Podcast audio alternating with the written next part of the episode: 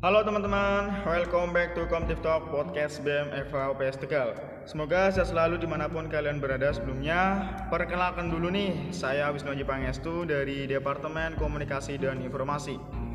Malam kali ini saya ditemani sama Mas Hafiz Ahmad Trianto. Halo Mas Hafiz. Halo. Gimana kabarnya nih? Alhamdulillah sehat walafiat. Mantap sekali, alhamdulillah.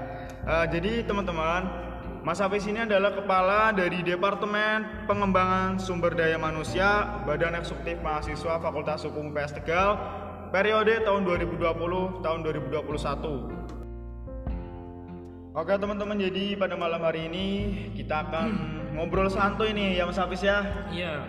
dan kita akan membahas tentang organisasi khususnya yang ada di lingkup kampus. Kalau boleh tahu nih pandangan Mas Hafiz tentang organisasi itu apa sih? Ya, sebelumnya saya berterima kasih kepada Departemen Kominfo khususnya yang sudah mengajak saya untuk podcast bareng. Baik, sama-sama Mas Hafiz. Ya, sebelum itu apa sih organisasi? Menurut saya itu organisasi adalah sekumpulan atau perserikatan orang yang terdiri dari dua orang yang salah satunya pasti ada pemimpinnya di situ.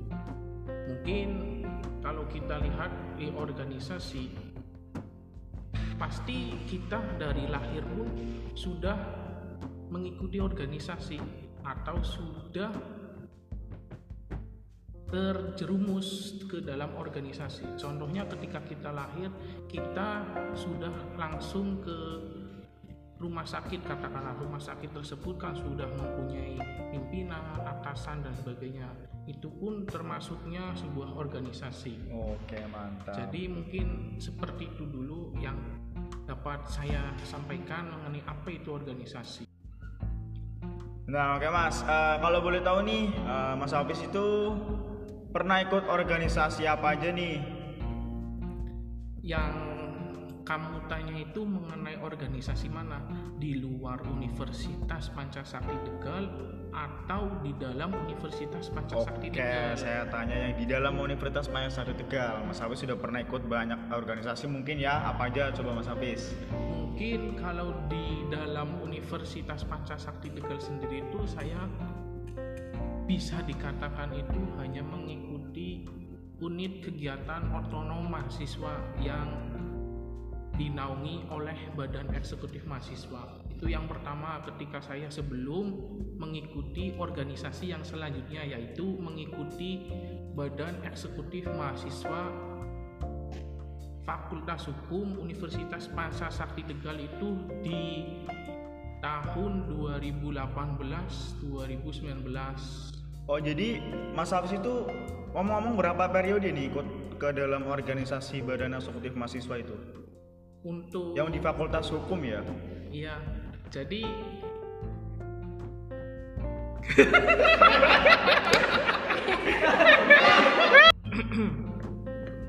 Oke nih kalau boleh tahu Mas Hafiz sudah ikut organisasi apa aja nih? Organisasi apa ini organisasi internal Universitas Pancasakti Tegal apa organisasi eksternal Universitas Pancasakti Tegal Oke, saya tanya yang organisasi internal UPS Tegal aja Mas. Gimana Mas? Kalau untuk organisasi internal Universitas Pancasakti Tegal sendiri itu, saya itu hanya mengikuti organisasi di lingkup Fakultas Hukum khususnya. Mungkin salah satunya sebelum saya mengikuti organisasi Badan Eksekutif Mahasiswa, saya itu mengikuti unit kegiatan otonom atau bisa kita sebut dengan UKOM yang dinaungi oleh Badan Eksekutif Mahasiswa. Memang kebetulan di tahun ini khususnya di kepemimpinan periode 2020 2021 itu memang unit kegiatan otonom, otonom mahasiswa itu memang tidak aktif mungkin karena akibat adanya pandemi Pandemi mungkin Covid. ah. Ya, jadi memang sebelum saya mengikuti organisasi Badan Eksekutif Mahasiswa, memang saya mengikuti kegiatan otonom yaitu khususnya di futsal. Wih, Ya. mantap. Anak futsal nih ya. Iya, betul. Oke.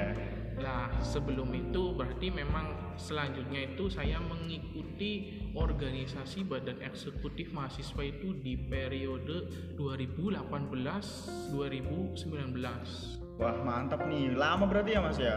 Mau ngomong-ngomong, udah ikut BEM FH itu berapa periode mas, mas Hafiz itu? Jadi saya itu ikut di organisasi badan eksekutif mahasiswa Fakultas Hukum UPS Tegal itu waktu saya semester 1 menginjak 2 mungkin setiap tahun mungkin pergantian kepemimpinan pun pasti semester 1 itu banyak yang ingin mengikuti BEM tersebut.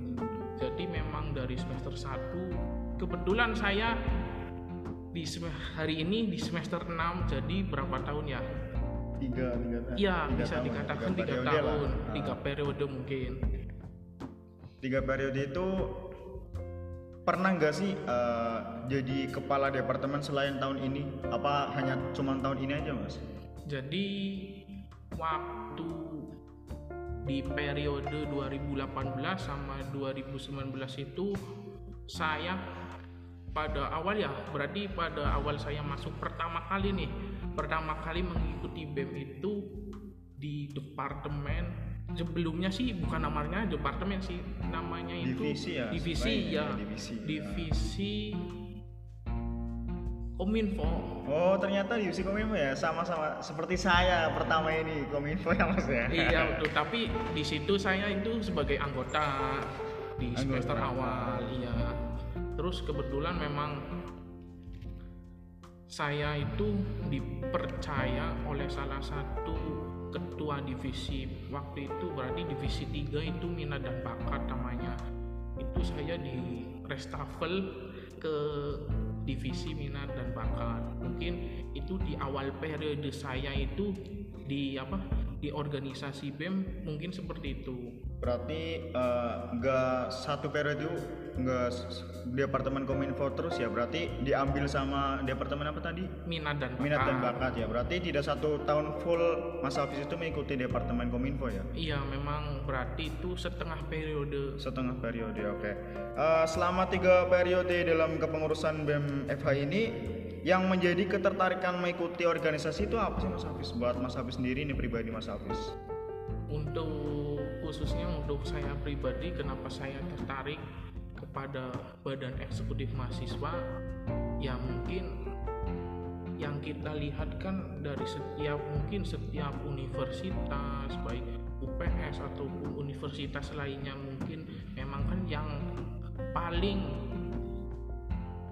terorganisir organisasinya itu ya memang BEM sebelum adanya mungkin ada himpunan, ada himpunan mahasiswa, tapi kebetulan di Universitas Pancasakti Tegal dan di Fakultas Hukum itu gak ada yang namanya himpunan-himpunan. Mungkin yang paling condong itu Badan Eksekutif Mahasiswa. Jadi memang untuk ketertarikannya saya untuk mengikuti organisasi ya salah satunya mungkin bisa dikatakan untuk menambah wawasan waktu itu memang pertama kali saya mengikuti organisasi BEM ya salah satu alasan saya untuk mengikuti organisasi BEM ya untuk menambah wawasan wawasan kita baik di organisasi kampus itu seperti apa sih kayak gitu Oke nih, menurut Mas Alfi sendiri penting gak sih mahasiswa mengikuti sebuah organisasi itu? Penting banget mas. Kenapa itu mas? Ya memang nanti ketika kita mengikuti organisasi pasti kita akan dibelajari atau dibekali dengan adanya public speaking dan wawasan kebangsaan mungkin seperti itu Oke nih, jadi kan setiap hal di dunia ini kan pasti memiliki sisi negatif dan sisi positifnya Mas Hafiz ya. Kali ini kita bahas sisi positifnya saja. Uh, menurut Mas Hafiz sendiri, sisi positif dari mengikuti organisasi bagi mahasiswa itu apa, Mas? Iya, terima kasih Mas untuk sisi positif yang kita ambil dalam mengikuti organisasi itu ya salah satunya menambah relasi mungkin bisa dikatakan seperti itu jadi saya ambilkan contoh nih ketika di dalam suatu organisasi itu mungkin katakanlah di dalam organisasi kampus ya mungkin Iya. katakanlah itu per anggota itu berbeda wilayah atau berbeda tempat tinggalnya jadi katakanlah saya ini orang Brebes dan kebetulan masnya ini orang orang Purwokerto. Purwokerto Iya, misalkan oke, ya iya. misalkan Katakanlah orang Purwokerto. Nah kebetulan saya itu akan mengadakan perjalanan mungkin katakanlah touring ya mas. Touring, iya. iya. Kan bahasa anak muda kan biasanya touring Iya gitu ya. mungkin seperti itu. Katakanlah touring. Nah ketika saya sebelum touring ke Purwokerto kan, nah kebetulan saya kan mempunyai Teman. teman, Nah. teman satu organisasi di dalam kampus tersebut masih katakanlah seperti itu. Lah di situ saya bisa nih sebelum bertuju atau bertolak ke tujuan saya ke Purwokerto mana, saya menghubungi masnya dulu. Ya itu itu silaturahmi lah mas. Ah, Mungkin oke, bisa mantap. dikatakan seperti itu. Mungkin saya akan menghubungi masnya lah salah satunya untuk ya transit dan istirahat dan sebagainya. Mungkin kenapa sisi positif, positif organisasi salah satunya menambah relasi ya memang tujuannya seperti itu. Jadi ketika kita membutuhkan katakanlah. Teman. Teman ketika temannya mungkin berbeda wilayah ketika kita sedang melakukan perjalanan mungkin jauh dan mungkin kita lelah bisalah memanggil teman untuk apa? Untuk istirahat istirahat. Oke jadi kesimpulannya adalah berorganisasi buat mahasiswa itu sangat banyak manfaatnya terutama untuk hal menambah relasi relasi betul. atau menambah pertemanan gitu ya mas ya iya betul Oke nih Mas Hafiz, Eh, menurut Mas Hafiz sendiri tuh apa saja sih lika-liku dalam berorganisasi? Eh, dalam artian itu suka dan dukanya dalam mengikuti organisasi eh, menurut Mas Hafiz itu. Oke, baik. Terima kasih, Mas. Ya, mungkin untuk suka dan duka dalam kita mengikuti organisasi, mungkin saya ambilkan contoh saja ya, Mas ya. Mungkin Oke. saya ambilkan contohnya itu di BEM Fakultas Hukum UPS Tegal. Jadi ya memang kita biar lebih apa sih ya paham mungkin saya ambilkan contoh langsung jadi memang di dalam BEM Fakultas Hukum itu ya sukanya salah satunya itu ketika kita mengadakan kepanitiaan itu pasti ada yang namanya itu rapat jadi dalam rapat kepanitiaan itu ya sukanya itu kita beradu beradu argumen Beradu argumen Iya. mantap. Berarti seperti debat gitu ya Mas Ya ya? bukan berarti Oh, beda. Mas. Maksudnya saling apa sih ya? Saling mengusulkan satu sama Oh, lain, oke, tukar mantap, pendapat, Mantap bisa sekali. dikatakan seperti itu. Karena memang di dalam organisasi itu pasti ada yang namanya seseorang yang mungkin dikatakan pro dan kontra mungkin seperti itu. Tentu saja ada Mas ya. Iya makanya mungkin suka dan duka eh suka ya mungkin suka Sukanya. suka terlebih dahulu ya memang saling berpendapat mungkin satu sama lain. Kalau dukanya itu gimana? Kalau Mas? dukanya sih ketika kita contoh saja kembali lagi saya contohkan ke rapat kepanitiaan tadi ah. menyambung ya jadi Oke. menyambung itu ketika kita mengadakan rapat katakanlah itu seharusnya anggotanya itu 10 itu yang datang cuma lima jadi memang sedihnya seperti itu mas Kenapa begitu Mas? Eh, kenapa anggotanya banyak yang datang cuma lima itu mereka itu alasannya gimana? Bermacam-macam dong, pas- pastinya dong. Iya, pasti yang jelas seperti itu. Ada yang alasannya ada urusan tugas, Urusan ada tugas. alasannya masih kuliah. Tapi ya memang seharusnya itu ketika ada adanya rapat kepanitiaan itu harusnya itu datang semua. Jadi kita itu bisa saling tukar pikiran. Oke. Nih apa nih kegiatan kita yang akan dilaksanakan dengan baik dan benar itu seperti apa? Harusnya itu yang lebih baik seperti itu. Memang kadang di organisasi ya yang paling sedih memang ketika ada rapat itu ya memang yang datang sedikit mas Sering mas gitu. ya sering banget Wah, itu mantap ini. Ini buat pelajaran nih buat teman-teman semuanya ya, biar ke depannya itu lebih baik lagi, agar bisa mengikuti setiap rapat. Kalau bisa itu semua anggota itu bisa hadir ya teman-teman ya. Ya begitu Iya, mas Hafiz. betul. Ya sedikit tambahan saja sih mengenai keorganisasian mungkin ya saya ambilkan contoh ketika kita ingin masuk atau masuk ke dalam organisasi pastikan kita untuk menjadi anggota salah satu menjadi anggota organisasi tersebut kan kita pasti adanya sesi wawancara. Jadi mungkin salah satunya itu wawancaranya yaitu ya apakah kalian siap ketika pimpinan kalian itu mengajak kamu untuk rapat di mana katakanlah di situ ya di salah satu tempat ini dan pimpinannya itu bisa dikatakan mengajak kalian itu dengan Spontan.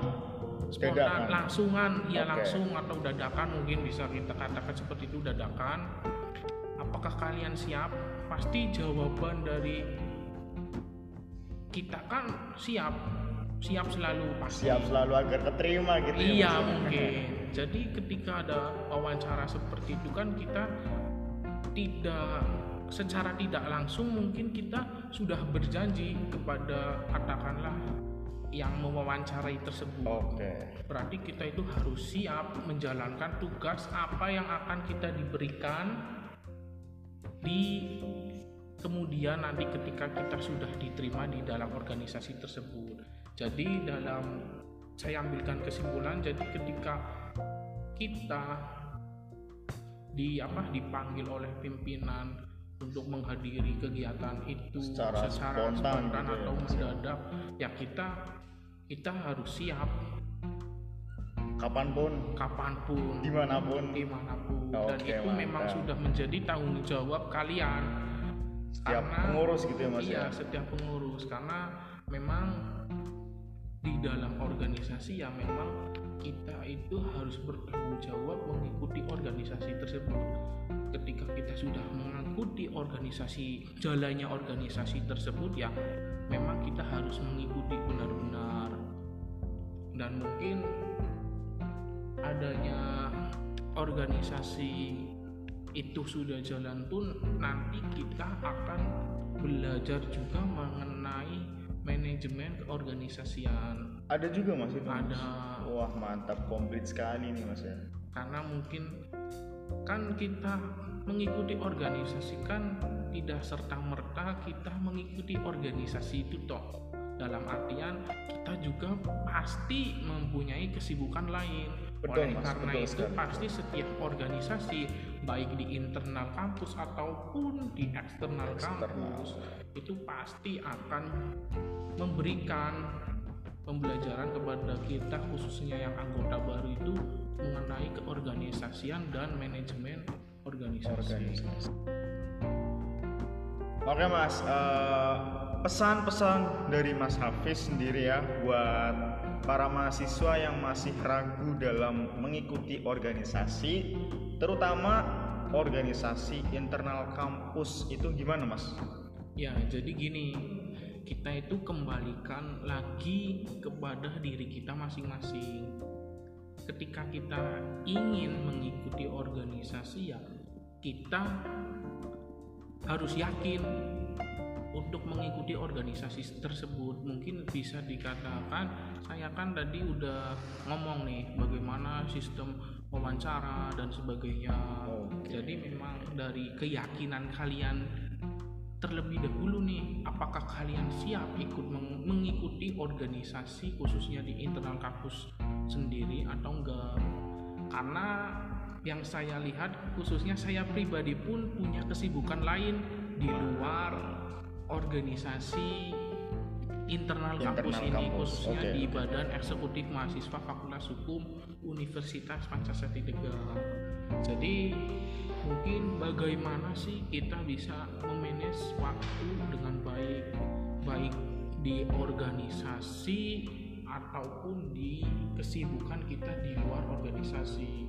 Kadang kan orang itu bingung, masih bingungnya itu bagaimana membagi waktunya di organisasi, Organisasi. dan kesibukan Pribadi. Iya, pribadi katakanlah pribadi.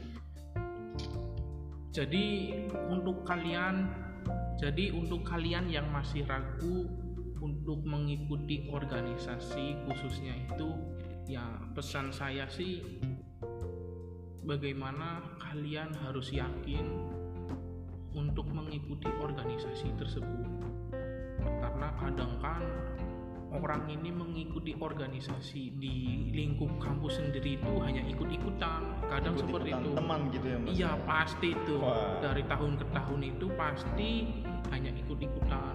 Wah, nih teman-teman saya nih mengikuti organisasi katakanlah BEM. Yuk, coba yuk kita ikut organisasi BEM sih. Kayak apa sih organisasi BEM? enak Kadang- gak gitu Iya. kalau gak enak keluar ah, udah Iya, biasa itu mas ya. Iya, betul. asik Kadang kan memang seperti itulah salah satunya. Ya mungkin orang itu ya hanya ikut-ikutan.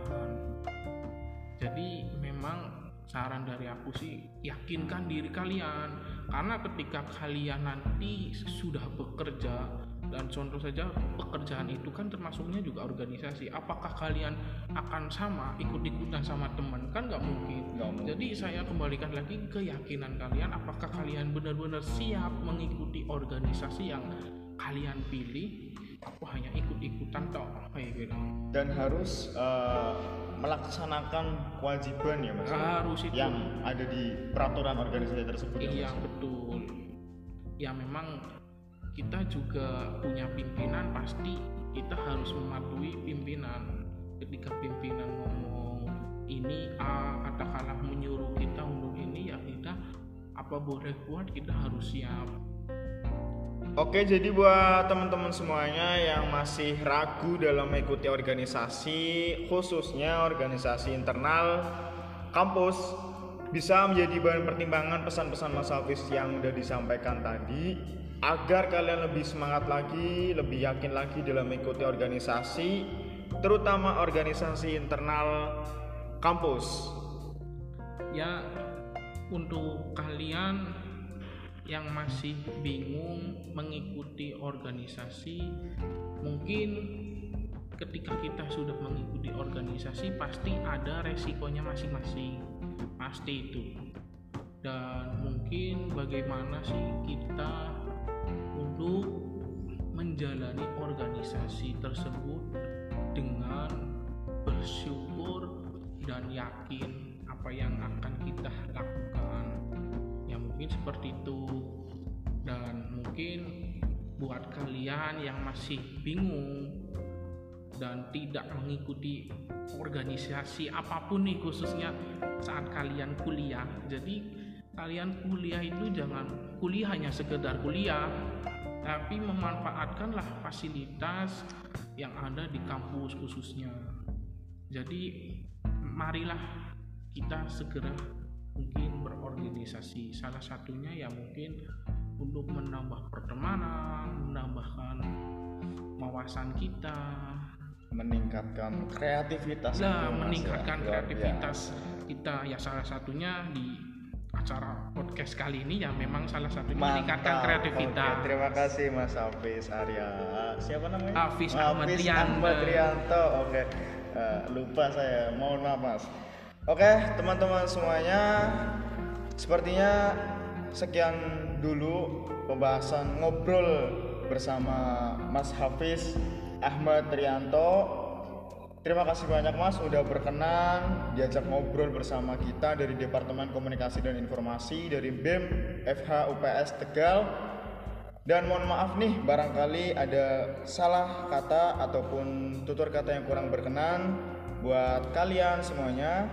Saya ucapkan banyak terima kasih. Sampai jumpa di episode selanjutnya. Terus pantengin podcast dari Departemen Komunikasi dan Informasi Badan Eksekutif Mahasiswa Fakultas Hukum Universitas Pancasakti Tegal. Oke, jadi sebelum kita mengakhiri podcast pada malam hari ini, boleh dong kita eh, memberikan salam khas dari BEM Fakultas Hukum Universitas Pancasakti Tegal ini periode 2020-2021 tentunya. Oke Mas, Oke, siap. dimulai dari Mas Hafiz dulu nih. Oke, siap. Salam kolaborasi Asik. Terima kasih.